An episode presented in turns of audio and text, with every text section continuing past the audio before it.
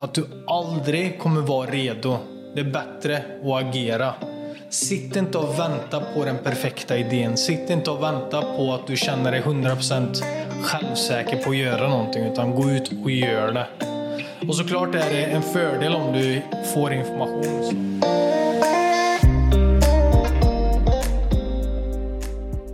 Hej och varmt välkommen tillbaka till CNU Podcast. Varmt välkommen Kristoffer. Tack så mycket Alexander. Väldigt inspirerande att vara här alltså. Ja, det är otroligt roligt att vara hela vägen i Oslo från lilla Jönköping. Ja, alltså jag kommer ju från eh, nästan i Jönköping så jag, jag känner till den resan gott. Alltså. Ja. Välkommen till Oslo. Hoppas. Tack så jättemycket. Jag är lyckligt överraskad för det är ju inte en fin bil man har sett utan det är ju ett par stycken. ja, i alla fall i det område vi sitter i här nu, där vi har kontur. Eh, precis eh, bakom slottet. Det är fint här. Det är bra. Men jag tänker vi hoppar på bollen direkt. Hur hamnar du där du är idag? Hur har uppväxten sett ut? Hur har resan sett ut som helhet? Eh, det är en väldigt eh, det är en stor fråga. Alltså. Eh, egentligen det största, eh, den största ändringen jag hade i mitt liv eh, det var när jag var i din ålder. Eh, det var från 19, 20 till 21. Ehm, jag blev av med mitt jobb. Jag jobbade på en fabrik eh, i Kättilstorp, där jag kommer ifrån. Utanför Falköping. Inte det Kättilstorp i Jönköping, utan det ligger en bit längre bort. Ehm, och jag hade avslutat mitt plugg. Ehm, och egentligen så hade jag, jag hade ett fast jobb liksom. Och jag tjänade helt okej okay, men eh, för att vara ärlig så jag kände ju redan på mig något inombords att det var inte detta jag ville göra. Um, så jag fick sparken ifrån det jobbet. Som på den, när jag väl fick det och kommer ihåg det. Eh, jag och en nära vän till mig, vi är fortfarande vänner idag. Eh, ja, vi blev väldigt besvikna. Då. Eh, man kände sig lämnad liksom. Att eh, alla våra andra vänner fick jobba kvar men vi fick sparken. Och, Eh, men jag insåg då faktiskt redan, jag sa det till min kompis då, jag kommer ihåg det. Detta är, jag lovar dig, detta är något av det bästa som kommer hända eh, i våra liv. Och det var det faktiskt, för ja, någon månad senare så ringde en kompis som eh, precis hade flyttat till Norge och sa det, ja Kristoffer du borde komma hit liksom. Det är så mycket möjligheter där. Jobbmöjligheter och du tjänar mycket bättre. Eh, och jag bodde fortfarande hos mina föräldrar då. Eh, jag kommer ihåg det jag var på pojkrummet. Då. Eh, jag låg i min säng.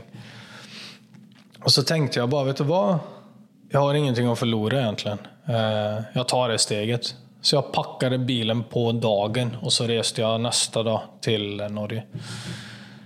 Eh, så det är egentligen där min resa startade. Eh, och jag tror det är, det är en viktig grej det och, eller i alla, fall, i alla fall för mig personligen, att resa till en helt annan stad. Bara lämna allt bakom dig och börja om på nytt. För du måste verkligen ta ansvar för ditt liv. Eh, och sen, sen dess så jag började först jobba på lager, jag har jobbat i restaurang, jag har Alltså jobbat lite som bartender. Eh, jag har gjort allt möjligt sedan dess. Då. Eh, och sen gick det till 2014. Eh, och då bestämde jag mig, jag kommer ihåg detta, för jag valde att studera i Norge också. Säljledarskap och marknadsföring faktiskt, en bachelor. Då. Eh, jag gjorde det en stund och så bestämde jag mig för att avsluta det, för jag kände att jag lärde mig ingenting. Ehm, egentligen, du lär dig inget praktiskt. Du får massa teorier. I alla fall när det gäller marknadsföring och försäljning och entreprenörskap, som var någonting jag verkligen ville göra. Ehm, så eh, då bestämde jag mig för att sluta där och så reste jag till Barcelona faktiskt och bodde där en stund. Jag kommer ihåg det för jag började jobba med försäljning där också. Eh, kall försäljning. Då. Vi sålde sån eh, Tivo-box heter det. Det är en sån TV-box. innan vi hade Netflix och Disney Plus och allt sånt där så hade man tv-kanaler fortfarande. Eh, och det var det vi sålde. Jag gjorde det väldigt bra där faktiskt. Eh, men så hade det gått i en period. Eh, jag kommer ihåg jag satt på en strand i Barcelona och så tänkte jag, vet du vad, vad är mitt nästa steg i mitt liv nu? För jag har gjort detta nu, jag har fått resa, jag har fått uppleva. Jag har testat att studera, jag har testat en del arbeten. Och då slog det mig som en blixt. Eh, det, det, var nästan magiskt när jag ser tillbaka på det. Det är en av mina core memories. Då. Att eh, nu är det dags att följa entreprenörsdrömmen. Och min entreprenörsdröm har jag haft sedan jag var 13. 13, 14 kommer jag ihåg att jag gick ut officiellt med detta till mina vänner. Liksom, vet du vad, när jag blir äldre så kommer jag bli en internetmiljonär som jag sa då. då. Eh, och de bara skrattade åt mig. Men då bestämde jag mig för att följa den drömmen. Så jag flyttade tillbaka till Oslo. Eh, och startade ja, det som blev ett digitalt marknadsföringsbyrå. Och det var också väldigt... Det är hårt till att börja med, men det är den känslan av att gå ut och starta något eget. Ehm, den personliga utvecklingen du får. Eh, för du tar det ansvarstagandet. Jag tror faktiskt det är Alltså för att leva upp till ditt potential, enligt mig, då, entreprenörskap kan vara en viktig del av det. Det passar såklart inte för alla. Men det är ett sätt att leva upp till ditt potential och ta fullt ansvar över ditt liv och verkligen bli fri. Då. Men som sagt, det passar inte alla heller. Ehm, det är bara vissa det verkligen passar för. Dem. Men då gjorde jag det. Och det vi började med det var att ringa kalla samtal. Vi gick och knackade dörr till och med. Alltså här ute i industriområdena i Oslo. Jag kommer ihåg det också, alltså det är nästan också en core memory eh, som det var igår. Eh, vi var ute och knackade dörr och så det vi, vill, vi ville jobba med då det var B2B-företag. Eh, det är det jag fortfarande specialiserar mig lite i faktiskt, att hjälpa B2B-företag. Så med digital marknadsföring. Då var det ett tryckeri som var en optimal kund för oss. Och jag och min businesspartner på den tiden vi stod där och jag liksom bara, nu ska, jag, nu ska vi få den här kunden, liksom, det här kommer bli fantastiskt. Så jag gick upp och knackade på dörren. Så var det en äldre herre som öppnade eh, och så konstigt på honom bara, ah, vad vill du liksom? Och jag bara, du mitt namn är Kristoffer, vi kommer från ett digitalt marknadsföringsbyrå och vi skulle vilja hjälpa er liksom. Och det jag såg i mitt huvud det var liksom, ah, han kommer öppna dörren, vi kommer gå in, ta en kaffe och det här är en done deal liksom. Jag fick ett väldigt hårt uppvaknande. Ehm, det jag fick tillbaks, det var, ja, han kollade på mig ännu konstigare. Liksom, Nej, det är inte intressant. Och så slår han igen dörren liksom, i ansiktet på mig. Ehm, det var, jag kommer ihåg att jag backade undan och bara, och det var snö ute och det var kallt och jag gick tillbaks till min eh, businesspartner på den tiden och så sa jag bara, det här funkar inte liksom. Och då hade vi ringt alltså hundratals av kalla samtal också. Eh, vi hade fått en kund ehm, som ville ha hjälp med digital marknadsföring, men det här var ingen bra kund. Det var, alltså de var inte så betalningsvilliga eh, och då insåg jag bara, vet du vad, vi måste ändra sättet vi jobbar på. Och då kom vi faktiskt in av ren slump. Eh, för vi tänkte liksom, okej, okay, B2B-företag, vad är det för sociala medieplattform? Eller vart är de digitalt? Och då kom vi över LinkedIn faktiskt. Och det här var i 2014, 2015. Det var ju ingen... Eh, man hade, då var det verkligen alltså en statisk digital CV-plattform. Man använde knappt det i business. Man visste inte ens att det var möjligt. Så vi började använda det och vi var ju unga grundare på ja, 24-25 år. Och Vi kom in i större företag då, och vann över större byråer också, alltså som Svea Finans, Eh, Bisnode, Microsoft jobbade vi med också. Och då insåg jag, vet vad, vi har någonting här som verkligen funkar. Men innan vi kom till den punkten på LinkedIn också så har vi gjort många misstag som jag försöker lära ut om nu. Då. Eh, och sen i 2017 ehm, jag startade det som idag heter Linkit-kurs i 2016 för jag fick så många förfrågningar för kurser så jag tänkte bara jag måste starta ett eget koncept runt detta också. Eh, för det var ingen som lärde ut om detta på den tiden och det var ju helt nytt. Eh, så då sålde jag det digitala marknadsföringsbyråt 2017 och så gick jag all in på det som är LinkedKurs. Och det är det jag jobbar med fortfarande idag. Då. Och det har jag gjort dagligen. Ja, nu blir det, alltså de senaste sju åren har jag jobbat dagligen med LinkedIn. Då. Men sen 2017 gick jag all in på det som är Linkedkurs. Då. Eh, så det är egentligen då min entreprenörsresa verkligen startade. Det var ifrån att jag fick sparken ifrån den fabriken i Kättelstorp. Eh, och fick ta det ansvaret och sen dess så har jag bara... Ja, jag vet inte när jag kuttade av alltihopa eh, ifrån mitt tidigare liv och startade, alltså började ta ansvar själv så har jag bara utvecklat mig. Jag har inte stoppat mig själv egentligen. Då. Så det är lite kortfattat egentligen min resa.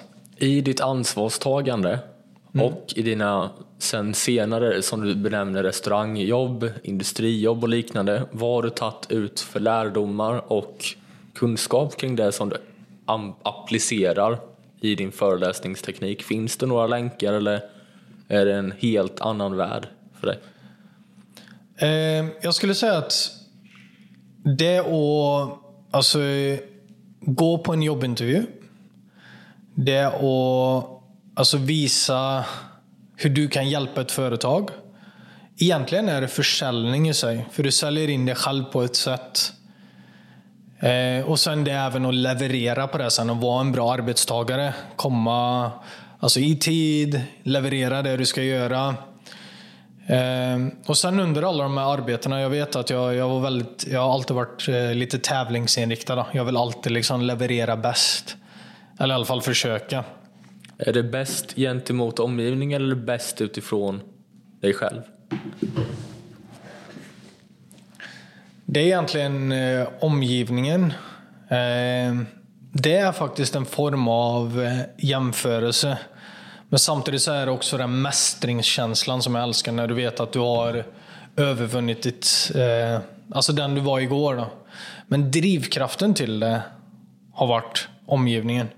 Och det tar jag faktiskt med mig idag, för det är en viktig del av Alltså när jag vill åstadkomma något eh, i min business, eller göra något businessmässigt, så vill jag alltid omge mig av människor som antingen är där jag vill vara, eller som är på väg dit. Då, som har samma mindset. Det är någonting jag faktiskt har tagit med mig eh, ända sedan jag flyttade. Eh, för då flyttade jag till ett nytt ställe och jag omgav mig av personer som vill liksom starta någonting nytt. Och Detsamma gäller nu när jag ska skapa nya businessmöjligheter. Eh, alltså det att bygga nätverk. Så det tror jag är en stor sak. Det, det att vara tävlingsinriktad, det med försäljningsbiten också, det att kunna sälja in det själv på ett bra sätt följa upp det du säger eh, och liksom leverera på det verkligen. Och sen även omge dig av folk som vill mer. Då. Du som person, när du går in för B2C eller B2B-försäljning, ja. fokuserar du försäljningsgrunden ur att produkten är extremt bra eller går du mer för att upplevelsen av köpet av produkten ska vara det som egentligen identifierar att det är en lyckad försäljning? Alltså nu när jag eh, jobbar med försäljning idag så är det mycket om antingen mig själv som konsult eller att jag håller kurser. Då vet jag det att eh, alltså den tjänsten jag levererar nu. Alltså eh, jag har en del kontroll över det själv då, så jag vet att det blir väldigt bra. Men jag har ju även kollegor i Linketkurs till exempel som kan leverera också. Men då vet jag att den är kvalitetssäkrad. Och så länge jag vet det och sen har vi också hjälpt så oändligt många med alltså just LinkedIn. Då, så jag vet liksom, okay, vi kan verkligen ändra liv. Då. Men sen är det också det att kunna eh, kartlägga. Eh, för den försäljning jag jobbar med är mycket B2B. Då. Eh, den, det är det enda jag jobbar med. Eh, eller vi har digitala kurser också som blir lite B2C. Men det är att förstå den person du har framför dig. Och vad du verkligen kan hjälpa den här personen med. Det tror jag är väldigt viktigt för att lyckas med försäljning. Men samtidigt så är det också att kunna ha det självförtroendet. Och veta att du kan hjälpa den här personen. Så länge du vet det så handlar det mer om att förstå den här personen. Och förstå vad de verkligen vill åstadkomma, vad deras problem är. Och detsamma gäller i företagsperspektiv. Då, kunna sätta dig ner med en VD eller en marknadschef eller marknadsdirektör, säljchef och förstå deras företag och vara med som en rådgivare. Och så länge jag vet att jag kan hjälpa dem med deras problem, eh, då, är det, alltså, då går det bra. Liksom. Och då vet jag också att... Eh, för det är det som är grejen. Alltså, ibland är det, det man tror själv är värdefullt Det är inte vad andra tror är värdefullt och det är inte det som faktiskt betyder något för dem. Det är att förstå verkligen vad som är värdefullt för den andra parten och sen leverera på det. Då. Det är då jag vet att det kommer vara bra. Då. Eh, och det kan man märka ibland. Liksom, alltså ibland sätter jag så höga mål. Liksom, okay, du ska bli en tankeledare, du ska ta över din marknad på LinkedIn. Men nej, den här personen vill bara bygga ett intressant nätverk, kanske få några intressanta kontakter. Och det är det som är värdet för den. Då. Men samtidigt för ett företag så är det ju oftast att få nya kunder, branda sig själv. Då. Ehm, så det handlar om att förstå vad deras verkliga behov är då, och kunna uppfylla det. Och jag brukar koppla det ungefär till upplägget av ett träningsschema, det du pratar om. För att det är icke genomförbart att ge ett aggressivt, för hårt träningsschema till någon som inte är där än. Och det är likt det du säger, att presentera för en person som inte har ambitioner om att bli världens största LinkedIn-person. Exakt. Det, det ger ju inget värde även om man säger att det har ett värde. För att de kommer inte kunna, även om de skapar upp någonting på ett kors perspektiv så är det ju större chans att det fallerar än att det faktiskt växer och blir större successivt. Men eh, det är oerhört intressant det du säger för att du sitter på över 30 000 följare på LinkedIn vid ung ålder. Du har över 99 plus intyg på alla kompetensytor inom ditt affärsområde. Vad, vad, vad anser du vara nyckeln som du har hittat som andra LinkedIn-föreläsare inte har hittat än? Vad är det som gör er unika?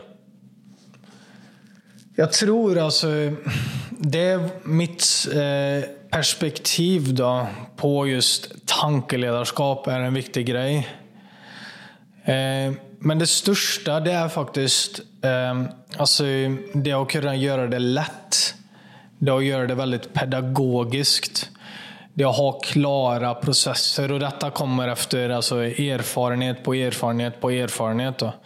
Kunna underlätta det och göra att alltså, nästan vem som helst kan lyckas på plattformen. Det tycker jag är någonting vi verkligen har gjort bra. Då. Alltså jag kan hjälpa både jobbsökare, jag kan hjälpa liksom, ja, en VD som vill bli tankeledare eller en författare till exempel som är väldigt eh, grym på det de gör. Att de vill gå ut och bygga personal brand eller bygga employer branding. Så eh, vi har koncentrerat ner detta till en metodik som går över hela spektret. Då.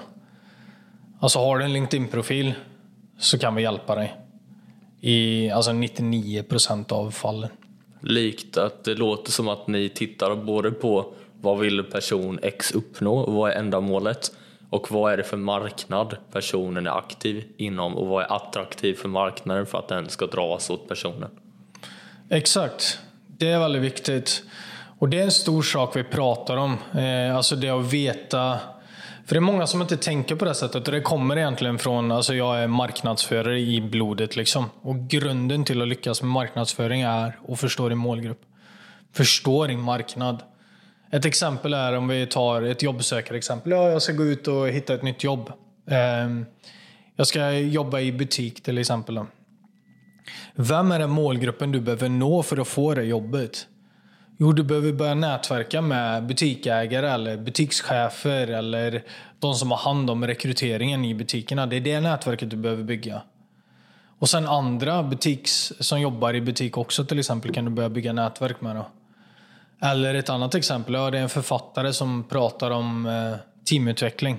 Vilka är det du behöver komma i kontakt med? Eh, de är, jo, det är HR-personer. Det är de som jobbar med sitt team. Det är de som har ledarskaps... Eh, alltså ledarskapspositioner i företag. Då. Så det är absolut, det är en viktig, det är en stor nyckel och detta lägger vi väldigt mycket tid på när vi jobbar med LinkedIn.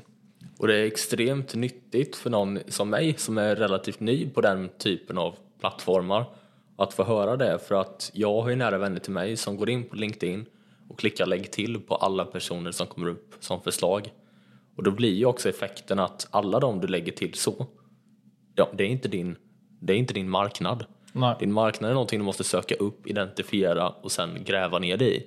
Om du lägger till alla och alla är från olika marknadsaspekter det kommer inte funka sen om du sitter på 2-3 tusen följare på LinkedIn Och då kan du inte bli besviken över att du kanske får 20, 50, 60 stycken gillningar eller delningar eller liknande. För att då har du identifierat fel och du har riktat dig mot fel marknadsgrupp för de kommer inte få det att växa.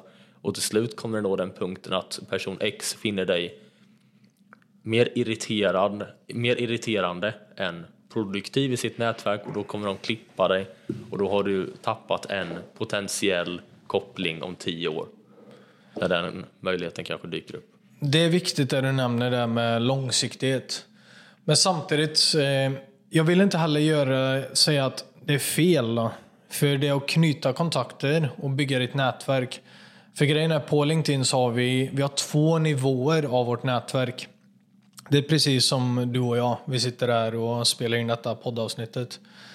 Men när vi tänker i nätverksbyggande, om till exempel vi skulle vilja komma i kontakt med någon. Eh, det är inte vi, du och jag som sitter där, utan det är våra nätverk också vi har tillgång till. Så det att lägga till en person på LinkedIn, det är inte bara den personen, utan det kan också vara den personens nätverk. Men sen såklart, lägger du bara till orelevanta personer och du eh, alltså lägger ut innehåll som inte är relevant för dem, då, då kommer det, alltså, det kommer ju sluta med att det blir negativt. Då. Och det vill vi undgå. Då. Men samtidigt är det bättre att göra det än att inte göra någonting. Då. Det finns olika nivåer av det, eh, alltså i ditt LinkedIn-användande. Mm. Jag tänker om vi går in på nästa lite större sektion, inspiration, motivation och driv. Ja. Vad får dig personligen att gå upp nästa morgon och tänka nu ska jag vara mer produktiv än vad jag gårdagen eller förra veckan? Och hur försöker du medföra den kunskapen till dina medarbetare? Det som är det största då, eh, och det är detta jag pratar om väldigt mycket, alltså när vi jobbar med tankeledarskap speciellt, då, alltså det att bli en känd expert. Eh, och detta är någonting som håller tillbaks väldigt många faktiskt. Eh, det är att du gör någonting som är större än dig själv. Det handlar inte om dig, utan det handlar om vilka du kan hjälpa. Och det står jag väldigt mycket för också i mitt dagliga arbete. Det är liksom... Eh, alltså klart så är viktigt att ta hand om dig själv också. Jag säger inte att du ska ignorera dig själv. Men en stor drivkraft för mig det är att hjälpa andra. Och veta att den kunskapen jag sitter på den kan verkligen ändra liv. Och det har gjort det alltså, otaligt många gånger. Liksom. Så det att gå upp och veta att du gör alltså, världen till ett bättre ställe. Det låter väldigt kliché, men det är, det är en drivkraft. Då. Men sen är det också att veta det att tack vare att jag gör det och hjälper andra, då får jag också ett liv som alltså jag kan bygga, som jag verkligen... Eh, för det är det, alltså jag kan inte jobba för någon liksom. Jag kan inte jobba för någon annan. Eh, jag, har inte, jag har inte byggt så. Ehm, alltså det att kunna ha, veta att du gör det du vill göra, att du har kontroll över din tid på ett sätt. Men samtidigt också veta att det är, det är en alltså en form av offring för dig själv också. För jag har valt den här vägen i mitt liv. Och då måste jag också hjälpa andra. För då får jag alltså, ett liv jag verkligen kan vara fri i. Då. Så det jag vaknar upp varje dag och vet att vet du vad, jag gör någonting jag verkligen brinner för och jag hjälper andra. Eh, och jag är en fri människa. Det är... Eh, det är min, en stor drivkraft. Då. Eh, jag vet det när jag går upp liksom, och vaknar på morgonen. Bara, mm, nu ska jag gå på en föreläsning. Liksom, för jag har valt det och jag hjälper andra samtidigt också. Och det, det låter också som att det du och jag pratade om tidigare. Mm. När jag plockar ut grejer från min bartendertid så är det just den känslan att kunna leverera någonting framför ja, en kund eller en gäst som är hela du på en tallrik eller i ett glas eller i en föreläsning är så mycket lättare att göra på det absolut bästa sättet man själv kan göra det om man gör det för sig själv i sitt egna namn. Det behöver inte vara att ändamålet täcker dig själv, som du säger din vision är att det ska göra omgivningen lite bättre än vad det var innan du mötte omgivningen. Men just den känslan att kunna skapa någonting själv och stå bakom sin produkt och veta att det här är verkligen vad Kristoffer är eller vad Alex är och kunna leverera det till en kund är en känsla likt ja, väldigt, väldigt få andra grejer. Exakt, och det här går också in i lite eh, hur jag coachar andra. För det är liksom, går du upp en dag och du vet att du ändrar en persons liv. Det behöver inte ens vara på, det kan vara på en vecka, det kan vara på en månad. Det kan vara på ett år till och med. Vet du att du gör en persons liv bättre, då har du lyckats. Allt efter det är en bonus. För detta är en stor sak på LinkedIn också. Åh, jag la ut ett inlägg och nej, jag fick inget engagemang på detta inlägg. Eller jag fick in, nästan ingen räckvidd. Nej, men har du nått en person med ditt budskap, resten blir bonus då. Eh, det är viktigt, jag tror det är ett viktigt mindset att ha. Jag har detta alltså väldigt djupt inom mig också. Och det känns också som att världen behöver få lite mer den uppfattningen av vad som faktiskt är viktigt ja. inom yrkesbranschen. För jag i min unga ålder, och du kan säkert känna igen det lite, där effekten av social, eh, sociala medier och den bubblan som har byggts upp i alla fall sedan jag föddes runt 2000-talet ja. är att alla söker i tidig ålder kortsiktig lycka än långsiktig. Och som du själv beskrev tidigare, det är mer skadligt att gå för kortsiktig lycka ifall den bara blir personlig och någonting som inte är infinitivt. Exakt. Och det är en paradox egentligen. Ehm, alltså i dagens samhälle. Eh, allt vi engagerar med på sociala medier det är väldigt kortsiktigt. Vi har liksom TikTok-generationen nu också. Eh, Alltså jag kan knappt öppna TikTok. Det är bara, du blir sönderbombarderad liksom av snabba eh, budskap. Och det märker jag också när vi skapar marknadsföringsbudskap nu. Du måste hålla det mycket kortare. För vi har ingen, knappt någon uppmärksamhet längre. Och det är därför LinkedIn är fortfarande en bra plattform i det, för där har vi, vi får längre engagemang och vi har längre uppmärksamhet där också. Men det är en trend och jag, som du säger, jag tror eh, också på detta. Eller eh, som du nämnde, det är viktigt att folk inser det, att långsiktighet är också en stor del av att lyckas. Eh, det är, liksom, det är en falsk dröm egentligen att allt ska hända kortsiktigt. Det tar tid. Ibland kan det gå fort, men det tar oftast tid. Och det är också att kunna njuta av den processen. Och jag har själv varit där också. Alltså, varför får jag inte resultat? Liksom? Varför händer inte detta? Och så börjar du prata negativt till dig själv. Men då kunna ändra om det tankesättet och säga, vet du vad, det här är en process. Det här kommer ta tid, det är en del av mitt liv. Jag ska leva i alla fall 40-50 år till förhoppningsvis. Um, så det är bara en liten del av liksom, i ett helhetsperspektiv. Och ta med den långsiktigheten. Och jag ska inte säga att jag är perfekt. Liksom. Jag kommer in i de tankemönstren ibland också. Men jag tror det är viktigt. Jag tror det är viktigt för att vara lycklig. Mm. Jag, hade, jag fick ett tips av en klok ny vän. Att hjärnan hos en ungdom i min ålder blir rationellt fullt utvecklad runt 25. Det, det tyder också på, och är ett argument för sociala mediers dåliga inflytande på folk i min ålder. För att du är mer emotionellt styrd. Även om du vill eller inte vill så kommer besluten vara mer det eftersom att som sagt den rationella delen inte är färdig.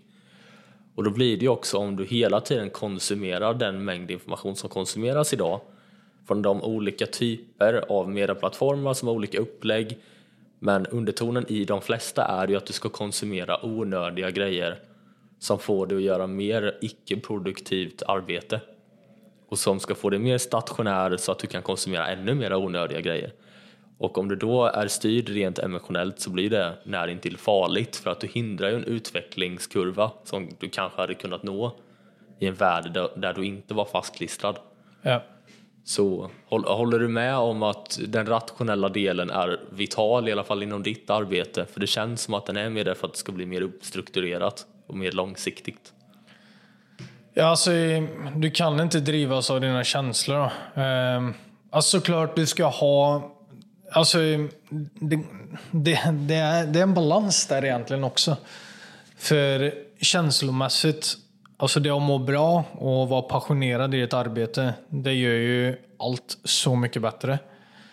Men samtidigt så vaknar man upp, alltså alla dagar är inte perfekta liksom. Du vaknar upp en dag, ah, nej jag har inte lust. Eh, och jag vet det nästan, eh, eller jag vet det nu, och detta visste jag faktiskt redan när jag var, när jag var 24. Så tänkte jag så. När jag känner den känslan att nej jag vill inte göra detta, åh jag vågar, varför gör jag detta? då är det mig själv som håller tillbaks mig. Eh, och då går jag igenom och egentligen går igenom den känslan och gör någonting rationellt istället. Okej, okay, om jag jobbar vidare på detta så långsiktigt så kommer, jag, så kommer det att hjälpa, hjälpa mig. Då.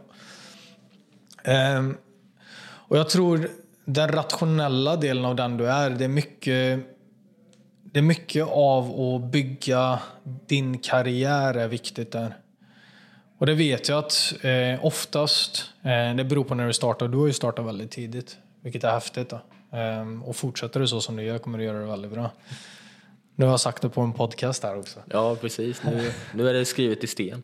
Ja, nu kommer jag hålla dig accountable med. Ja. Så nu har det inget val. Nej, men det är... Jag tror du bygger den rationella delen av dig själv. Eh, för du har ju olika nivåer av när du utvecklas. Då. Börjar du din karriär när du är 19 och du lär dig att kontrollera dina känslor och bygga en rationell personlighet runt dig själv i din karriär. Då. Jag, tror, jag tror inte det är satt i sten. Alltså. Jag tror inte det är just i, när du är 25 år så blir du rationell. Rent generellt sett så är det säkert så. Men jag tror du kan ändra på det. Och jag har sett alltså, många exempel på alltså, när man har gjort det omöjliga möjligt. Liksom. Så jag gillar egentligen inte att sätta en begränsning på det. Men det märker jag själv efter eh, alltså, att ha utvecklat min karriär. Som är, alltså, det att vara entreprenör är egentligen att bygga, eller det är att bygga en karriär. Liksom. Du blir mer och mer rationell med erfarenhet, en viktig del av det. De riktiga mentorerna, den riktiga kunskapen. Eh, och du kan fånga dig själv också. Eh, när du är känslosam. Och det är oftast när du tar väldigt känslosamma beslut vilket såklart du kan, alltså det är svårt ibland att inte göra det. Men det är nästan att påminna dig själv när du är väldigt känslosam. Okej, okay, ska jag verkligen göra detta? Och det gäller också när du är, mår känslosamt dåligt, men också när du mår känslosamt bra. Det är också lika farligt faktiskt. För när du mår väldigt bra, då kan du säga ja till väldigt mycket som du tror att du kommer klara i framtiden. Men sen när du väl kommer dit så kanske du har sagt ja till för mycket och då slår det tillbaks mot dig. Så det är att balansera tillbaks dig till ett rationellt tänkande. Jag har faktiskt en mentor till mig som heter John DiMartini. Och han har en metodik och en eh, mental träningsprocess. Då du faktiskt, när du är väldigt, väldigt eh, glad. Eh, nu kommer det här låta lite dåligt, men då hittar du negativa saker med alltså vad du kunde gjort bättre till exempel för att ta tillbaka dig till balans då du är helt rationell. Och sen när du mår dåligt, då hittar du positiva saker som har hänt. Då. Vi säger att du har en dålig dag. Eh, ja, du lyckades inte med... Ja, ett möte gick inte så bra som du trodde. Eh, någonting har hänt i ditt jobb till exempel som verkligen tar ner dig. Men vad är det positiva i det? Eller du har, din partner har gjort slut med dig till exempel som ett gott exempel. Men vad är det positiva i det? Om vi tar partnerexemplet. Jo, nu kanske du får jobba på dig själv.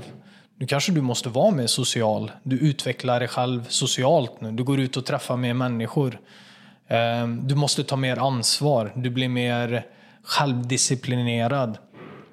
Eh, så det, är, det, är också, det har hjälpt mig väldigt mycket faktiskt eh, med han John DiMartini och ha den mentala processen och kunna kalibrera dig själv och ta tillbaka dig till balans. Då. Men sen som sagt, jag är inte perfekt. Alltså, alla men, men det är liksom. oerhört intressant att höra någon på din kaliber, där du är i ditt liv just nu, säga just det. För att livet är ju väldigt rent biologiskt styrt också av att människan söker efter ett större berg, en större utmaning, en ny utmaning hela tiden. Ja. Och när du väl har klättrat upp på toppen av det här berget så är det väldigt svårt för människan rent tekniskt att kunna ta in, oj jag har klättrat upp för det här berget gud vilken prestation jag har gjort. Utan det är att direkt så letar jag efter ett större nytt berg för nu blev det lite tråkigt. Och det är just det du säger, av att hitta balans i att kunna lyfta sig och koncentrera och styra sig på ett funktionellt sätt gör just att du får en mer långsiktighet i det. Mm. För om du har kortsidig lycka då kommer det skapa lika aggressiv nedåtbåge i kortsiktigt potentiellt och långsiktig misslycka. Ja. Eller olycklighet. Det är intressant det du nämner där att det är antiklimaktiskt Och liksom, alltså, när du väl når ett mål, när du kommer dit så bara... Är detta, du tror att det är någonting helt annat egentligen. Men det är också en viktig insikt att ha och veta att när du väl kommer dit, okej, det kommer inte vara där du tror det är. Men njut av det ändå. Och det går ju tillbaks till det att njuta av processen, av att leva ditt liv. Um, vilket kan vara svårt ibland, men det är så nyttigt att kunna göra det. Alltså. Det, är, det är egentligen där alltså, du har livet i, liksom, att kunna njuta av de små stunderna. Alltså de spontana stunderna och det som händer dagligen. Um, samtidigt så finns det en annan sida av det myntet också. Det är en extremt bra drivkraft att aldrig vara nöjd. Det, det har pushat mig till alltså, de största höjderna, jag, eller det jag har lyckats med mest i min karriär. Liksom. Därför är att jag aldrig är nöjd med mig själv. Och det är för att jag vet eh, och tror verkligen på att jag har ett högre potential. Eh, jag tror det, det är viktigt att hitta en balans där. Eh, och också veta att okej, okay, jag har ett högre potential, men idag är det okej okay att fira. Idag är det okej okay att jag alltså, går ut med en vän till exempel och njuter av det istället för att sitta och tänka på vad är det jag ska göra nästa vecka. Vad är, liksom, vad är nästa mål? Och bara kunna njuta av stunden. För det är också en viktig grej där, för när du väl eh, alltså, stänger av ifrån alltihopa du gör, till exempel resor, då. jag älskar att resa liksom. Och stänger av alltihopa ifrån din normala rutinliv då. Det är då du öppnar upp din kreativitet. Och sen när du väl kommer tillbaks till din vanliga rutin igen då, då kommer du med helt nya tankegångar. Och det är då, det är då jag har fått mina bästa alltså lösningar. Då. Det är när jag har gått ut träffat helt andra alltså människor som kanske är helt utanför det jag gör. Men det är då idéerna kommer också. För man tänker inte på nästa mål och bara alltså, är nere i, alltså, i leran liksom och kämpar. Då. Utan du, du låter dig själv liksom ta den tiden, slappna av. Och, och det är där till exempel meditation är väldigt bra. Det att kunna ta, det försöker jag göra varje dag. Och det har jag gjort sedan jag, är, sedan jag var 16. Har jag mediterat nästan dagligen. Eh, för att kunna ta en stund under dagen då du verkligen stänger av alltihopa och är med dig själv bara utan att tänka på något. Och det känns som att mångas definition av meditation är att man sitter på en kudde och tänker. Men jag har hört det av så många personer jag har lunchat med, tagit kaffe med eller folk av din kaliber som jag åkt runt och intervjuat. Meditation behöver inte vara enbart det normen beskriver att meditation är sittandes på en kudde. Det finns ju folk som tar meditation i att de går och tar ett tungt träningspass. Yep. All form av eh, meditation är ju när du lämnar din vardag och går in i en annan typ av bubbla. Det är väldigt bra sagt. Exakt. Det, det är ju det som är grejen. Så, alltså det att gå ut i skogen till exempel. Göra någonting helt annorlunda. Då. Ehm, och det är, ofta, det är då vi låser upp vår kreativitet. Det är därför alla har hört det. det här, eh, alltså dina bästa idéer kommer oftast när du är i duschen. Liksom. För då gör du ingenting annat än att duscha. Ehm, så det, det är sant. Och det är, men det är också det när du väl är på gymmet, att du går 100% in i det du gör då och är medveten. Um, så det, det, är, ja, det är viktigt att veta det. Mm. Meditation är inte bara att, vara, att sitta på en kudde eller vara en munk uppe i ett berg någonstans i, alltså i Himalaya eller vad, vad den typiska alltså bilden man ser när man tänker på meditation.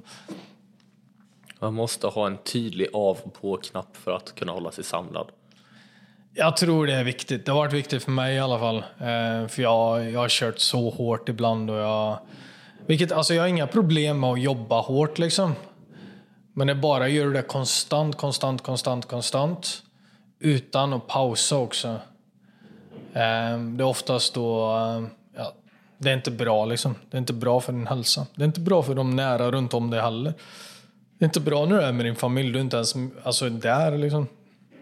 Du umgås inte med den, du är någon helt annanstans. Ja, för det är just det när du tappar din hälsa, varav sinneslugn är en del av hälsan, den psykiska ja. hälsan, då kommer du bli mer icke kontrollerbar personligt, eller personlighetsvis kring din emotionella del av dig. Och då kommer den emotionella delen köra över den rationella delen, då kommer du ta mer emotionella, emotionellt baserade beslut. Ja. Och då är du tillbaka i det här att det är inte de bästa besluten för situationen. Eftersom att de är styrda av en del av dig själv som inte kan tänka i klarhet. Exakt. Just som du be- benämnde i början. Väldigt bra sagt. Det är sant. Det är, alltså det är för att kunna liksom kontrollera. För, alltså det största hindret du har om du ska lyckas, det är inte där ute då. Oftast i alla fall. I, I Skandinavien, i Norden där vi bor just nu. Alltså det är så pass, vi har så mycket möjligheter, det är så pass bra här. Så det enda hindret du har det är liksom, alltså den, dig själv. Då. Och det är det att kunna stoppa dig själv, kontrollera och veta. Alltså en del av att alltså, gå vidare mot ditt potential är att du kommer försöka sabotera. Du kommer försöka sabotera. Du kommer ha den här rösten i huvudet som säger vem tror du att du är liksom? Alltså jag har det fortfarande när jag står och föreläser. Eh, Jag har börjat få det nu. Jag längtar nästan efter att kliva på en mina. För att det känns lite för overkligt. ja. Och jag tror du känner av det också, för de jag har pratat med tidigare har känt av det jättemycket också. Eh, både före, efter och under poddinspelningen. Att ibland så går livet så mycket på räls uppåt att man vill nästan att, att, att någon ska nypa en fast lite, du vet mer bang. Och det är, en, Ja. det är en konstig, lite läskig känsla som man vet att, man, jag vet ju inte, kan jag kontrollera den eller kan man inte kontrollera den? För att man vill ju hellre att någonting ska vara en produkt av ens direkta handlingar än att det ska hända av slumpen. Ja. Man vill ju hellre sätta foten på minan än att råka gå på minan. Alltså, det är det som, jag, jag använder det som en vägvisare. När jag börjar sabotera för mig själv. Eh, I alla fall när det gäller karriärmässigt. Alltså såklart eh, går jag ut, eh, alltså säger, säger jag till mig själv att jag inte ska gå ut i trafik liksom. Då gör jag inte det. Men alltså om till exempel, ja, man, i, i mitt fall, då, jag får en föreläsning då. Och så bara för ett företag och så kommer en röst. Vem tror du att du är? Liksom, du, du är inte den personen som skulle gjort detta. Då vet jag, okej, då är det det jag ska göra. För det är där jag har... Det är ju komfortzon. Det är utanför din komfortzon. Det är osäkert. Du kommer inte tro på dig själv där ute. Men då är det det att kunna lita på dig själv och veta. Och det, det fick jag med mig väldigt tidigt, som jag nämnde tidigare. Alltså när jag var 24 så visste jag att när, när jag börjar sabotera för mig själv och när det känns fel, liksom, då ska jag göra det. Um, I alla fall när jag vet rationellt att det är rätt, men känslomässigt känns det fel. Sådär, då är vi tillbaka och eh, jag tänker vi hoppar in på träning, Kristoffer. Yes. Eh, Jag älskar att träna, jag tränar otroligt mycket. Jag har genomfört 75 hard-scheman till höger och vänster. Eh, Och i mina bästa dagar snittade två pass om dagen. Men det är just för att jag kommer från en bakgrund med mycket träning inom ishockey och golf och andra sporter. Hur såg det ut för dig i min ålder och hur ser det ut för dig idag? I din ålder så tränade jag på gym. Det vet jag att jag gjorde. Eh, för jag ville bli större. eh, jag, jag är väldigt naturligt sett så är jag faktiskt eh, jag har hög metabolism. Då, så äter jag inte mycket så blir jag tunn och smal. Då. Jag, alltså för vissa kanske jag är smal nu också. Eh, så jag tränar mycket gym, jag kommer ihåg. Tidigare jag, jag både tränat fotboll, jag har simmat. Simmat eh, gjorde jag när jag var väldigt ung, så hela min kropp är uppbyggd ifrån det. Ehm, jag spelar volleyboll. Eh, det är de tre sporterna jag har gjort. Då. Ehm, ifrån jag var kanske sju, sex år kanske, till jag var 16. Och sen när jag var 16 så gymmade jag. Men jag kommer ihåg 16 till ja, 2021 så var det i vissa perioder tränade jag mer, i vissa perioder tränade jag mindre. Ehm, och sen egentligen, jag har alltid hela mitt liv tränat i någon form. Ibland har det varit så att det har glidit ut, men då har jag kommit tillbaka till mestadels av mina 20 år så har jag tränat. Men då har det alltid varit gym. Det har jag gjort nu. ehm, nu är det sedan 2018. Eh, då bestämde jag mig för att fixa en PT faktiskt.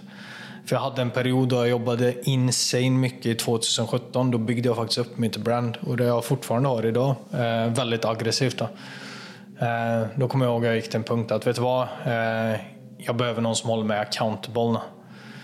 Eh, så då fick jag en PT som hjälpte mig och sen dess så ja, har jag byggt på mig och nu, är jag väl, nu skulle jag säga att jag är i ja, bra form. Liksom. Eh, så då var det tre träningspass i veckan och då hade jag färdiga träningsscheman. Han hjälpte mig med min kost också. Jag fick öka protein väldigt mycket. Öka kolhydrater väldigt mycket. För jag förbränner saker så fort. Eh, och nu så jag springer ett par gånger i veckan. Eh, och eh, tränar kroppsträning då, eller på gym egentligen. Nu tränar jag faktiskt hemifrån en del för det är mer effektivt för mig. Um, och jag har en väldigt bra grund alltså på min kropp. Jag är muskulös liksom. Jag är ripped. Um, inte dunderripped liksom om man ser muskler. Um, jag gillar min kroppstyp just nu. Och nu tränar jag väldigt mycket för eh, longevity, eller för att leva länge och hålla mig hälsosam liksom. Och sen är också träning, är, vi pratade om meditation tidigare. Det har jag haft en lång dag och jag är slutkörd i huvudet. Liksom. Då går jag och tränar. Eh, och då, alltså jag får kreativitet av att träna. För det är de dopamin, alltså endorfinerna, det är dopaminet du får i hjärnan och i kroppen. Eh, efter det så kommer väldigt bra idéer. Eh, så det är någonting jag, jag får ut av träning. Ehm, men det, jag, kör, jag kör bara ett eh, schema som passar mig, liksom som jag vet. Och ibland så, jag kan känna det väldigt tydligt på min kropp nu när jag har jobbat väldigt hårt till exempel, eller har rest mycket. Okej, okay, ska jag träna idag? Eller ska jag vila? Jag har faktiskt eh, den här, eh, den rekommenderar jag. Det är Aura Ring. Den är väldigt bra. Ehm, den nu har jag haft den i ett år faktiskt. Så den räknar dina kalorier, den räknar din återhämtning, du får reda på dina sömnscores och så får du en app faktiskt. Och det här är då en ring Kristoffer har på tummen. Yeah. Det låter ju som en pryl jag verkligen vill köpa. För jag gillar prylar. Jag kan se den här. Ja, den var riktigt, riktigt frän. Ser helt identisk ut till vilken ring som helst. Ja, Eh, silvrig också. Eh, så du har sensorer på den. Eh, och nu fick jag faktiskt ifrån min app. You're close to achieving your activity goal. You can do it 23 minutes of brisk walking should get you there. Så då vet jag exakt, då har jag olika aktivitetsmål och den känner av hur du återhämtar dig. Och det här är fascinerande, alltså hur långt teknologin har kommit liksom. Och det är en snygg ring också faktiskt. Mm. Eh, så den använder jag nu och den, den stämmer faktiskt väldigt, väldigt bra när den säger till mig liksom, okej okay, idag ska du ta det lugnare liksom. Då känner jag verkligen det på min kropp och det funkar. Ehm, för den tar med helheten. Då. Den tar med träning, den tar med sömn och den tar med alltså, din hjärtrytm och din HRV. Då. Eh, heart rate variability. Eh, nu säger jag inte det 100% på engelska men det är ett tecken på hur bra du återhämtar dig. Um, så den följer jag väldigt mycket nu. Uh, och då säger den faktiskt åt mig också när jag har eh, när jag behöver kanske ta en springrunda någon dag, när jag har tid över, då gör jag det också. Ehm, så den rekommenderar jag. Sen gillar jag faktiskt, jag, de senaste två åren har jag gått väldigt djupt på något som heter biohacking. Alltså det är att optimera din kropp med hjälp av näring, med hjälp av vitaminer, olika alltså, vitamin eh, som du kan ta. Det finns till exempel något som heter NMN eh, som är Alltså, det finns massa ny forskning som kommer på anti-aging och det är jag väldigt för nu. Eh, jag är över 30 nu så nu är det dags att liksom börja tänka på att hålla dig bra. För jag vill, jag vill, alltså desto bättre jag håller mig, desto längre kommer jag kunna prestera, desto mer kommer man kunna skapa. Så det är någonting jag jag ja, nördat, har nördat ner mig väldigt mycket på. Och då går det in på alltså näring, att du tar de rätta vitaminerna, att du sover ordentligt. Det har jag faktiskt verkligen jobbat på de senaste två åren. För tidigare skulle jag sova fyra timmar ibland liksom och gå ut och jobba och slita ut med det. Ja, jag sitter lite i den sitsen just nu att det är någonting jag måste börja tänka på också för jag har börjat känna av konsekvenserna av att sova för lite. Ja. Eh, och när man är ung så tror man att man är lite övermänsklig så man, nej, det är hög tid att titta över den delen av livet och det har jag också hört från när vi hade Kelvin på podden för någon vecka sedan. Eh, som har coachat bland de bästa atleterna på jordklotet, coachat olympiska team till vinster och guldmedaljer och han trycker på att sömn är nummer ett. Står allt annat. Du har ju Jeff eh, Bezos, eh, Amazon-grundaren. Alltså, han är den rikaste i världen, eller en av dem i alla fall. Eh, han sover ju åtta timmar varje dag. Och han säger det alltså, eh, om man ska ta ett stort beslut och han får ett stort beslut på kvällen så säger han nej, jag väntar till nästa dag och så sover han ut så att han är utvilad. Det går också tillbaks till det att vara, du är mer känslosamt styrd när du inte är utvilad. Eh, och när du inte sover ordentligt. Du kommer tillbaka till det rationella och balanserade. Det är ju så du får återfå balans naturligt. Och det är också när känslosamma saker händer.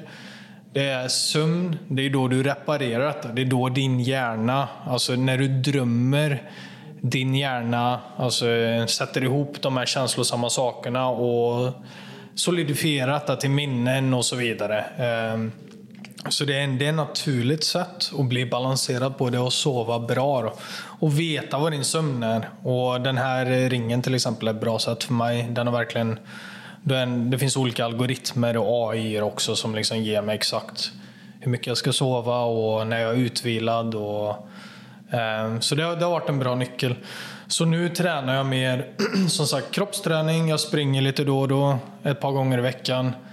Och det är mer för att hålla mig i form då, och för att hålla mig hälsosam. Och jag kan säga att jag aldrig haft bättre energi än vad jag har nu. Liksom. Mm. Jag kommer ihåg när jag var 19, då mådde jag sämre än vad jag gör nu. Liksom. Men då åt jag liksom vad som helst och hade inga rutiner på plats. Tänkte inte på hälsa. Eh, kanske tränade fortfarande men du, alltså, du sov inte bra. Jag kommer ihåg att jag jobbade nattskift också på alltså den eh, fabriken och det är ju inte bra för hälsan egentligen. Har du tagit ashwagandha någonting? Ashwagandha tar jag nästan dagligen. Ja, det gör det? ja. det är riktigt intressant. Jag, jag har tagit KSM 66 ja. ett tag och jag, jag känner skillnad. Det, det gör jag. Det är en märkbar skillnad. Sen har jag en nära vän till mig som har börjat testa nu också och det, han känner av skillnad också. Mm. Det hjälper ju med GABA eh, som gör mig avslappnad. Eh, och eh, ja, när, du, när jag har väldigt intensa perioder, eh, jag brukar ta det efter jag har tränat faktiskt. För tar du det innan träning, jag blir, så av, jag blir väldigt avslappnad på det. Eh, så ja, det funkar väldigt bra faktiskt. Eh, och det ökar också hormonbalans. Och det är nyttigt. Liksom det är naturligt. Eh, och det har använts i tusentals av år. Kommer från Indien från början. Så det är, det är faktiskt en, ett supplement jag tar. Mm. Jag har fått in det i min cykel att jag, jag tar det när jag kör mitt om jag kör två pass på ett, på ett dygn ja. så tar jag det på det senare passet på eftermiddagen. Mm. För att känna att då får jag den perfekta nergående kurvan innan jag går och lägger mig sen. Ja. Det, det är underskattat vid tidig ålder, men testa det. Ja, och det är underskattat också när du kommer upp i din ålder. Då. Eh, jag har ju tagit eh, hormontester och sånt nu. Jag ligger på alltså, väldigt bra hormoner eh, för min ålder. Då. Jag har hormoner som en ja, 22-åring. Alltså, det är väldigt intressant. Men det är för att jag har tagit hand om mig. Då. Jag har tänkt på träning, tänkt på kost hela tiden. Och ja, det, det är en stor del av det här att lyckas och prestera bra. Det är att ta hand om din hälsa. Alltså träning är livsviktigt eh, och jag märker det när jag verkligen har börjat fokusera på det. Hur stor skillnad det gör också. Mm. Jag tänker vi kan ju gå in på lite kost då eftersom att vi ändå gick in lite på supplements. Ja. Hur ser kostcirkeln ut? Är det någonting du fokuserar djupt på eller lite mer generella grundtankar i att man inte trycker två chipspåsar varje dag? Eh, jag gillar att alltså, gå ut och njuta också. Eh, jag, jag fick detta från en av mina eh, vänner som är personlig tränare också. Eh, 80-20, alltså Paretos princip. Det har jag faktiskt inte pratat om, men det är ett stort mindset jag har i allt jag gör. Alltså 20% av det du gör ger 80% av resultaten. Och när det kommer till hälsa, se till att ha 80% hälsosamt, så kan du ha 20% där du tar en chipspåse eller äter lite godis. Nu gillar jag inte att äta godis. Um, inte så mycket. Jag gillar att äta godis, men när jag äter det för mycket. Uh, jag har en sån naturlig nästan switch i mig. Att när jag äter för mycket osunt så vill jag gå och träna eller göra Det, det är så underbart för att du och jag har väldigt lika kroppstyper. Ja. Vi båda är naturligt mer slim, högre metabolism som standard. Och jag har det också. Jag kan ju gå då, de gångerna jag går och köper mig en godispåse av en större struktur. Jag äter ju aldrig upp godispåsen. Nej. Det är så efter x antal bitar så blir allting smaklöst. Och bara, nej, det går inte. Jag har inte riktigt samma grej kring chips. Eh, Men, men det, det är sjukt att man har den nat- naturligt inbyggt i huvudet att nu är det mycket socker, lägg av. Ja. Men det är balansen du pratar om, 80-20 eller 20-80. Den är ju, det är ju det, det är ju därför vi äter lite mer standard och samhällsmässigt på lördagar och fredagskvällar. Exakt. Det, det är ju inte där folk fallerar, i alla fall utifrån vad du kanske har sett eller jag har sett hittills i mitt liv. Utan det är ju om du går och äter lite hela tiden varje dag. Mm. Det är det som är farligt. Då. Det är att låta det gå ut över. Det är nästan bättre, eh, tror jag i alla fall. Eh, nu har jag ingen forskning eller någonting på det, men det är bättre att ta en fredag då du käkar massa godis, fyller upp det liksom. Att du har en cheat day då. Och sen resten av veckan försöker du vara nyttig. Då. Jag hade en PT, inte samma PT som benämnt innan, som drog en korrelation mellan godis och alkohol. Att om man har svårt att förstå att en godispåse om dagen är sämre än 15 godispåsar på en fredag, tänk alkohol. Det är sämre att ta fyra starköl varje dag, varje kväll, än att lätt sagt supa ner sig en dag i veckan. Det, det är två helt olika saker. Även om det är samma kvantitet i totalen så gör det det ena mycket mer skada än andra. Ja, det är ju när du utsätter din kropp för alltså, en kons, eh, alltså kontinuerligt onyttighet. Då. Eh, men du frågar om rutiner. Eh, jag tror alltså Sen jag, de senaste sju åren, eh, alltså det är nästan sedan jag startade mitt företag, åtta år sedan. Varje morgon tre ägg, tre kokta ägg, löskokta. Inte allt för lösa, lite löskokta. En banan och eh, en kopp med kaffe. Och så vitaminer och alla supplements och sånt som jag tar då, eh, för, att hålla, för att prestera bra. Då. Eller allt som min kropp behöver. Då. Varje morgon. Och så fastar jag varje dag, försöker jag göra. 12 timmar, för jag kan inte göra mer än 12 timmar för då försvinner jag. Liksom. Då blir det ingen kvar. Då. Så jag slutar äta klockan nio, försöker jag göra varje dag. Eh, såklart så klarar man inte av att hålla det varje dag när du går upp liksom, alltså olika tider. Eller, men 80% av dagarna så fastar jag 12 timmar. Och det är också väldigt nyttigt. Det har jag lärt mig från biohacking. Då, eller eh, folk därifrån att låta kroppen liksom vara utan någonting. Alltså tömma den på alltihopa. Och då Alltså växthormoner ökar. Du, eh, alltså, du får rensat magen liksom. Och det har funkat väldigt bra sen jag har börjat göra det. Då. Ehm, så det är mina rutiner. Sen är det näring under dagen, då försöker jag hitta alltså, mat som är alltså, så nyttigt som möjligt. Inte supernyttigt liksom, men alltså, bra kött. Eh, rotfrukter till exempel. Eh, idag åt jag eh, rotmos med alltså, eh, kyckling till exempel. Det låter inte så gott, men det var faktiskt väldigt gott eh, frukt under dagen. Eh, det är det jag försöker äta som är sött. Eh, och så dricker jag, ja, som du sa, är det grönt te. En kopp kaffe och sen resten är grönt te. Oftast. Ja, men det är, ju, det är jätteintressant. Det påpekade jag innan också. Nu har jag varit här i Oslo med dig i ja, men runt två och en halv timme. Och jag tror det är sjätte koppen te jag ser dig dricka. Och jag är på min fjärde kopp kaffe. Och det är jag, jag känner... Jag, jag gillar mycket te. Jag gillade mycket mera te innan. Men sen snörar man ju ner sig i kaffe för att man vill vara lite mer vaken. Men då får man väl gå tillbaka, som du säger, till rötterna. Fixa sömnen och sen anpassa varan eller att den anpassar sig lite per automatik. Ja. Men det är det som är grejen med te. Te innehåller ju också koffein, men det innehåller något som heter L-theanin också, som balanserar ut koffein faktiskt. Så du blir inte lika skakig av det och det är mer balanserat för din kropp. Det är ju det att inte försöka spika saker i din kropp. Sockerspikes, alltså koffeinspikes. Eh, så är det Alltså, det, det är i alla fall det jag känner, min kropp så blir det så, alltså då presterar du bättre över en längre period. Då. Det är det maratontankegången, gå tillbaks till att njuta av processen och tänka långsiktigt. Då. Jag tänker vi hoppar på eh, nästa del. Ja. Där vi har tre grundfrågor till alla vi pratar med och tar in på podden. Ja. Det ena är, hur ser Kristoffer på nätverksbyggande i min ålder? Hur ser du på vilken typ av yrkesbransch eller yrkestyp man bör ta sig igenom för att med större sannolikhet hamna där du är på din position? Ja. Och utbildning. Vad för typ av utbildning om, den, om du känner att den krävs? Vilken typ av utbildning och har någon betydelse i vilken skola? Ja. Så nätverk, utbildning och ja, första jobb. Eh, när det gäller nätverksbyggande, eh, det du gör eh, Alex är väldigt smart. Då. Eh, alltså att du går till alltså personer som ja, har kommit dit där du vill vara och du tar dem på en podcast till exempel. Det är väldigt smart. Eh, nätverksbyggande är nyckeln till hur jag har lyckats. Eh, och det är det jag använder på LinkedIn. Det är ju digitalt nätverksbyggande. Liksom.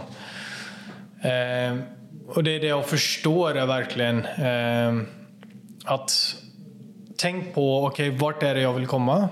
Vilka personer är det som har gjort det? Vilka personer är det som är på vägen dit? Eh, bygg nätverk med de personerna. Försök hitta en mentor eh, som kan hjälpa dig på vägen för det kan alltså, skala av liksom år, tio år av en resa och ha någon som kan komma med specifik feedback till dig, till din situation och så kan hjälpa dig och visa vägen.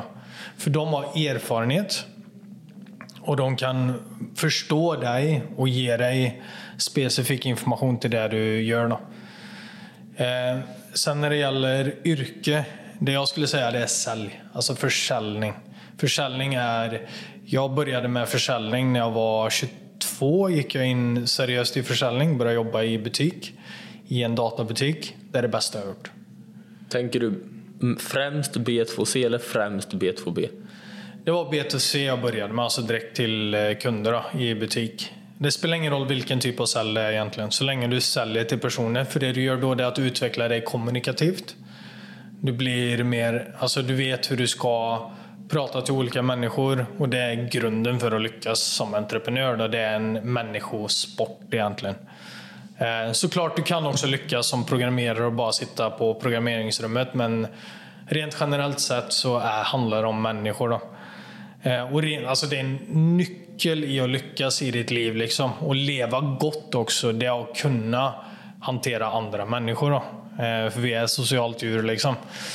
Eh, så det var en stor nyckel till mig faktiskt. Och det hjälpte mig extremt mycket att lära mig att sälja och prata med olika människor och kunna alltså pusha mig själv till att göra det. Eh, så det är en nyckel tror jag. Det är ett yrke som är väldigt viktigt och underskattat. Då. Det är många som ser på sälja. Ah, nej, ska jag börja sälja? Liksom, jo, du ska pusha dig själv. Gå ut, utanför din komfortzon. Och när du väl lyckas med det så får du den mästringskänslan också. Och det kommer hjälpa dig extremt mycket. Alltså de människorna som jag träffar. Man kan se det i ögonen på folk. Då. Om de är bra på att oftast de som har jobbat mycket med försäljning, entreprenörer och bara duktiga säljare, de har en helt annan Alltså ett helt annat sätt att vara på som man märker. Och det är, det är en väldigt bra sak att ha. Då. Du behöver såklart inte bli mästare på att sälja, men bara det att kunna i alla fall ha testat det och jobbat en del med det, det tror jag är viktigt. Men det går, det går ihop med det du sa innan tidigare i avsnittet. Mm. Med att försäljning, för att det verkligen ska ta fart, så måste du se vinsten för konsumenten i att åta sig och köpa produkten. Istället för din egna vinst i att på, halvt påtvinga konsumenten produkten. Ja. För det är som du sa innan, det är två helt olika saker. Det är ju att vara duktig kommunikativt. Då. Det är att kunna förstå vad den andra personen vill åstadkomma och vad du vill åstadkomma och mötas där. Det är ju en förhandlingsteknik också. Um, och du kommer till den punkten om du blir, jobbar en del med försäljning. Då. Och det är okej okay också i början att pusha på. Alltså det är inget fel med det heller. Eh, men det är att kunna komma till den punkten då du inser att vet du vad, det, det handlar inte om mig utan det handlar om den andra personen och det handlar om vad vi kan åstadkomma tillsammans. Och det är där det blir verkligen kraftfullt. Då. Eh, så absolut, det går, går in i det. Och kunna lära, och det bästa sättet att lära sig det, det är ju genom försäljning. Mm. Utbildning. Utbildning, en stor del av min utbildning är faktiskt böcker. Ehm, jag hade en mentor till mig ehm, som tipsade mig om att börja läsa böcker. Och då var jag 24 och jag har läst ja, i alla fall, jag tror jag har 200 böcker hemma hos mig på en bokhylla. Om business, om andra inspirerande personer, självbiografier, om marknadsföring, om försäljning, om andra människotyper, om kommunikation, om personlig utveckling, eh, om målsättning. Alltså allt innanför detta. Läs böcker. Böcker är... Alltså det är en person som har gjort detta i 30 år, gjort alla felen och så har de skrivit ner sina bästa tips på 100 sidor. Liksom. 200 sidor eller vad det nu än är. Läs de böckerna. Det kommer hjälpa dig. Och De bästa böckerna att börja med som jag skulle rekommendera. Det finns en, om du vill bli entreprenör så finns det en som heter Millionaires Fastlane som var väldigt bra för mig. Det finns en som heter How to Win Friends and Influence eh, People med Dale Carnegie som är väldigt bra. Det finns en som heter eh, Influence med Robert Cialdini. Jag tror det är, om jag har rätt, som är insane bra i försäljning. Hur du använder olika försäljningsnycklar för att hjälpa andra människor. Eh, så det är de tre böckerna jag skulle säga är en bra grund att starta med. Men sen när det gäller utbildning också. Alltså, jag har inte gått eh, utbildad. Alltså, jag gick teknik på gymnasiet. Jag har gått, inte gått en hel bachelor. Liksom. Ehm, den bästa utbildningen det är att hitta personer och sätta dig ner och prata med dem. Eh, personer som har gjort det du vill göra och som är på den vägen dit du vill gå. Sätt dig ner med dem och hitta ett sätt som du kan få deras tid på. Det här är ju perfekt med podcast till exempel. Man kan ta en kaffe. Och det är ju bara på LinkedIn till exempel är en intressant person bara Hej, du, alltså jag älskar verkligen det du gör. Jag är en ung eh, entreprenör och jag vill göra något liknande som dig. Du, jag hade varit så tacksam om vi kunde sätta oss ner. Jag kan betala din lunch. Eh, och jag kunde få sätta mig ner och ställa dig några frågor bara. Eh, för vad jag kan göra vidare. Det skadar ingenting att ställa den frågorna. Och det är faktiskt många som vill hjälpa till också. Och vill hjälpa yngre entreprenörer. För det är ett sätt att ge tillbaks på. Um, så det är det utbildningsmässigt. Annars så har vi, vi har Youtube nu, vi har mängder av digitala kurser. Jag har en digital kurs om LinkedIn. Liksom. Ehm, Alltså du hittar alltid information online. Men samtidigt så det finns så mycket att välja på där ute så det kan vara svårt att välja rätt. Det lättaste sättet är faktiskt att sätta dig med en mentor. Eller ha bra böcker. Och det ligger ju otroligt mycket i vad du vill göra. Ja. Om du vill bli läkare, advokat. Det är svårt att hitta en mentor som lyckas fixa dig ett gratis mäklare, alltså läkardiplom. Det är väldigt viktigt det du säger nu, mm. för det jag tänker på det om du vill bli entreprenör. Då. Ja, jag tänker det också. Det du säger eh, till eh, ja, de som lyssnar och till mig rakt så. Ja. Det, är ju, det är ju det jag försöker kopiera. Mm. Det är därför jag åker runt och pratar med olika typer av spetskomponenter inom olika marknadsområden. Ja. För jag vet ju inte själv vilken marknad jag vill arbeta i och vara verksam i när jag är lite äldre och har lite mer kött på benen. Men det är just det du säger, att omge sig av dem. Där du, men du måste också själv kunna addera värde till dem. Av att du sitter med mig, det blir ju också en sidoinvestering för dig. För om jag av ren slump skulle smälla till om 5-10 år. Av ren slump? Du har redan lovat ja, jo, jo. Ja, jo, jo, men, men eh, i rätt, ja, om vi ser det till den stora massan. Om, om en person som har tagit den investeringsdelen och han växlar upp tio nivåer, mm. då kommer ju personen som hjälpte dem på vägen få utdelning. Jag tror du vet det också, dina mentorer som har hjälpt dig, jag tror inte du glömmer dem. Nej. Jag tror de liksom sitter där uppe på Goat Mountain och verkligen bara, du vill ju ge tillbaka, för jag tror annars hade inte du satt, satt dig ner med mig. Uh, nu hade vi en god mellanvän, Marcus, som lyckades få till det här ja. på en dag. Men det är just det. Det är ju därför jag ogillar och inte gör så att ifall någon säger eller skriver eller inte svarar på ett mail när jag bjuder in någon till podden. Då gräver man inte ner sig att oh, men då vill ingen vara med. För då kommer du aldrig få med någon på, en podd eller på ett arbete eller på ett projekt. Det är Utan- ju, jag, jag skulle bara vilja lägga till det. Eh, Det är viktigt. Alltså det handlar inte om dig om någon säger nej då. Eh, Ta inte det personligt. Det är väldigt, väldigt viktigt för att lyckas. Alltså.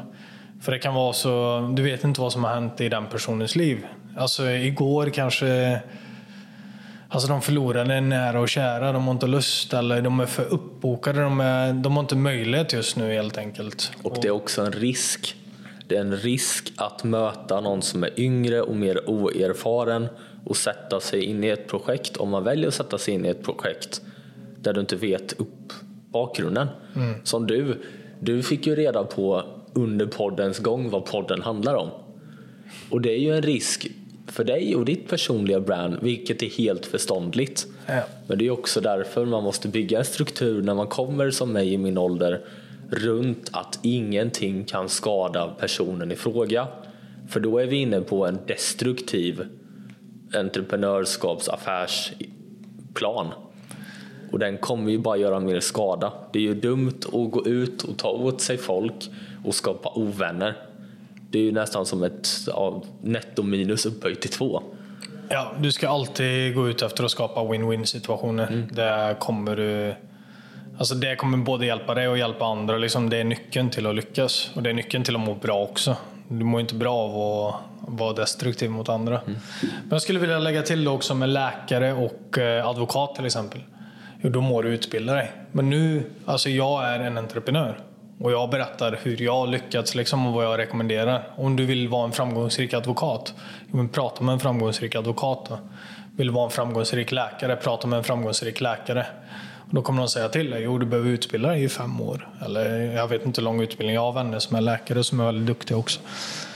Eh, och sen en viktig sak också. Eh, om jag skulle få en hjärnkirurg till exempel. Då vill jag att den hjärnkirurgen har utbildat sig och är duktig.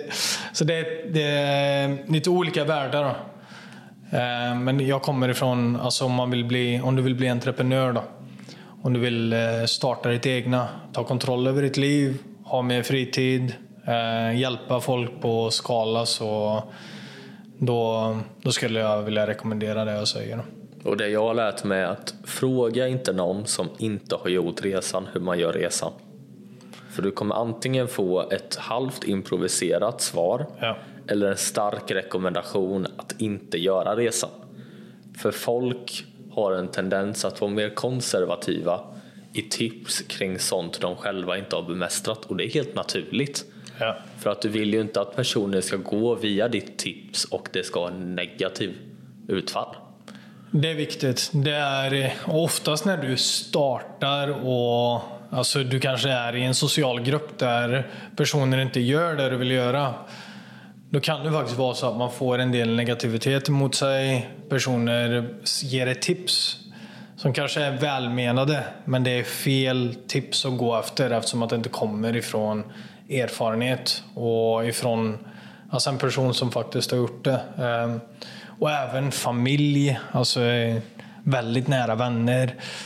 Alltså, det är bara att veta det att ja, du kan få, det kan... Lyssna inte på det till att börja med i alla fall. Eh, Och då, är, då är vi tillbaka i emotionellt styrda tips och rationellt styrda tips. Ja. Frågar du någon i din familj så kommer det i alla fall, om du har dragit igång någonting som har utvecklats framåt, då kommer den vara emotionellt styrd lycka mot att du har gjort något bra. Och då kommer inte tipset vara rationellt styrt. Och det, det är ju det jag tror att du försöker lyfta fram också, vilket du lyfter fram. Att om man vill ha rätt tips, då vill man ha ett mer rationellt tips från någon som har gjort resan. Ja, alltså det är det bästa sättet att kunna få ett rationellt tips på. Det är någon som har gått igenom alla de känslomässiga alltså dalarna uppåt och dalarna neråt. Liksom, som kan ge dig en balanserad perspektiv. Ja, men det är detta du ska göra. Och det är detta du kan förvänta dig också. Och det är så du kan förbereda dig. och prata med många. För som du själv säger och iakttar, du ger ju tips utifrån din resa Ja. och de tipsen jag tar in, alla har ju olika resor. Ja. Men om du frågar tio personer som har gjort den typen av resa inom, de ram, inom det ramverket du vill vara en aktör inom, det är ju bättre än att fråga en person som gör något helt annat. Exakt. Det är eh, viktigt. då. Ehm, men samtidigt så är det, ja, det beror på vad du vill göra. Alltså har du någon som har gjort det du vill göra, de ger dig specifikt tips. Alltså det jag hade rekommenderat är, övertänk inte, ta action på det först. Och sen när du väl har tagit action på det, för då vet du i alla fall att det är... Eh, för grejen är att om vi säger att du har en mentor. Det här är det du ska gå upp för för att lyckas med det du ska göra. Det är, det är en lång trappa. Då. Det du ser, det är först, alltså lite på första trappsteget. Kanske lite av andra trappsteget, max. Det är som är tio år framför, de kan stå där uppe på alltså våning fyra, till exempel den trappan, och se rakt ner och veta exakt vad du ska göra och följa dig hela vägen. De ser din labyrint ovanifrån. Ja.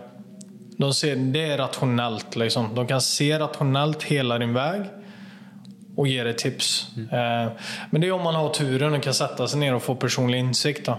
Annars, om du läser böcker till exempel och får generella tips, generella tips på sociala medier också, ta det från flera källor och hitta det som passar dig. Men övertänk det aldrig inte. Det är bättre att ta action och faila och lära dig ifrån det. Eller fela och lära dig ifrån det. Det är det viktigaste också. När du felar, då vet du att du går framåt. Då. Så länge du följer tips som är ifrån någon som har gjort det. Mm. Näst sista punkten är vi på nu. Det, det går snabbt. eh, extrovert och introvert. Ja. Jag älskar den här typen av frågor för den säger så mycket om entreprenören från grunden. Ja. När du var ung, var du mer extrovert eller introvert? Och har det skiftat på sig till där du är idag? Och hur har det skiftat på sig? Eh, jag ska säga att jag naturligt är mer eh, mot introvert. Eh, men jag har alltid varit social i hela mitt liv. När jag varit ung också. Jag har alltid varit liksom... Alltså mycket, jag har haft mycket vänner runt mig. Och, men naturligt sett, det har, det har, alltså när jag har analyserat mig själv, på tal om självinsikt. Alltså det att få självinsikt om mig själv så skulle jag säga att naturligt sett så är jag lite mer mot det introverta. Eh, för det är en skala. Alltså här är vi extrovert, här är vi introvert. Och så är det inte av eller på. Eh, utan det är ju en skala. Du kan vara alltså 30% på skalan mer mot det introverta. Du kan vara 70% på skalan mer mot det extroverta. Eh, och så har jag lärt mig, alltså bland annat ifrån att jobba med försäljning, jobba med kommunikation. Alltså jag har rest liksom Alltså i alla fall över hela västvärlden och lärt mig av några av de bästa innanför kommunikation för att ha dem som mentorer. Så har jag rört mig mer mot skalan mot extroverta. Så nu är jag kanske på 60-70 procent på den här skalan eh, av att vara mer extrovert. Men det är, det är för att alltså jobbar vi med människor så kommer extroverta karaktärsdrag hjälpa dig mer. Eh, och det kommer hjälpa andra också. Det har kunnat inspirera andra. Det har kunnat vara, alltså jag föreläser liksom. Jag måste vara extrovert. Jag kan inte stå eh, stilla Bara titta. och observera. Men samtidigt så kan du också vara lugnare och observera i en workshop till exempel hur de andra låta dem prata och facilitera mer. Det, det kan vara ett mer introvert sätt att föreläsa på och hålla kurser på. Vilket oftast också ger de bästa insikterna för andra för då hittar de insikterna själva men du faciliterar det och du ställer frågor till exempel.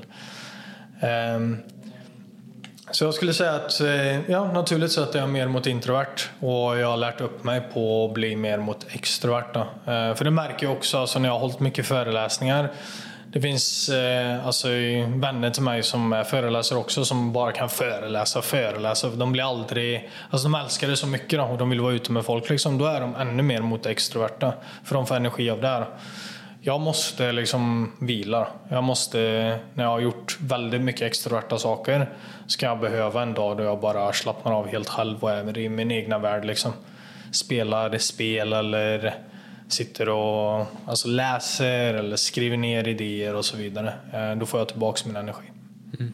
Otroligt intressant. Ja. Eh, då tänker jag vi kör en sista om du ger ett tips till en hungrig 19-20 ja, plus minus fem år. Ja. En hungrig ny entreprenör som har hela karriärslivet framför sig. Vad hade varit ditt största tips? Mm, det är en väldigt bra fråga. Jag skulle säga det och Alltså mitt största tips egentligen, för det, alltså det är så svårt att ge ett största tips för det är beroende på personen också. Men det jag märker håller tillbaks flest, det är det att agera. Det är, Petter Stordalen säger det väldigt bra. Alltså är du mer än 80% redo, då har du gått för långt liksom. Vet det att du aldrig kommer vara redo. Det är bättre att agera. Sitt inte och vänta på den perfekta idén. Sitt inte och vänta på att du känner dig 100% självsäker på att göra någonting. Utan gå ut och gör det. Och såklart är det en fördel om du får information som alltså, kan hjälpa dig på vägen och kunskap. Men det är det att agera och våga alltså, göra misstag. Våga alltså pusha dig själv till någonting och så okej okay, du gjorde ett misstag, du lär dig ifrån det liksom. Alltså du har i alla fall ifrån, alltså ifrån du är 18-19. Du behöver inte veta exakt vad du gör förrän du är du behöver all, aldrig hela ditt liv ens veta exakt vad du gör, men alltså, du har i alla fall 10 år på dig att hitta fram till det du vill göra och det viktigaste du kan göra just nu är att gå ut och testa. Och än en gång, alltså, du kommer inte, jag visste inte exakt vad jag skulle göra när jag var 19. Liksom. Ehm, men jag visste att det finns, ett, det finns alltid ett högre potential av oss själva. Och det visste jag och det vet du som lyssnar också. Du har ett högre potential i dig själv. Sättet du låser upp detta på det är genom att gå ut och testa, fela, få feedback, lära dig från andra. Sätt dig ner med andra som har gjort det och agera då. Och sitt inte och vänta. Tack så jättemycket för att du var med. Tack så mycket. Och till er som lyssnar, ha en produktiv arbetsvecka.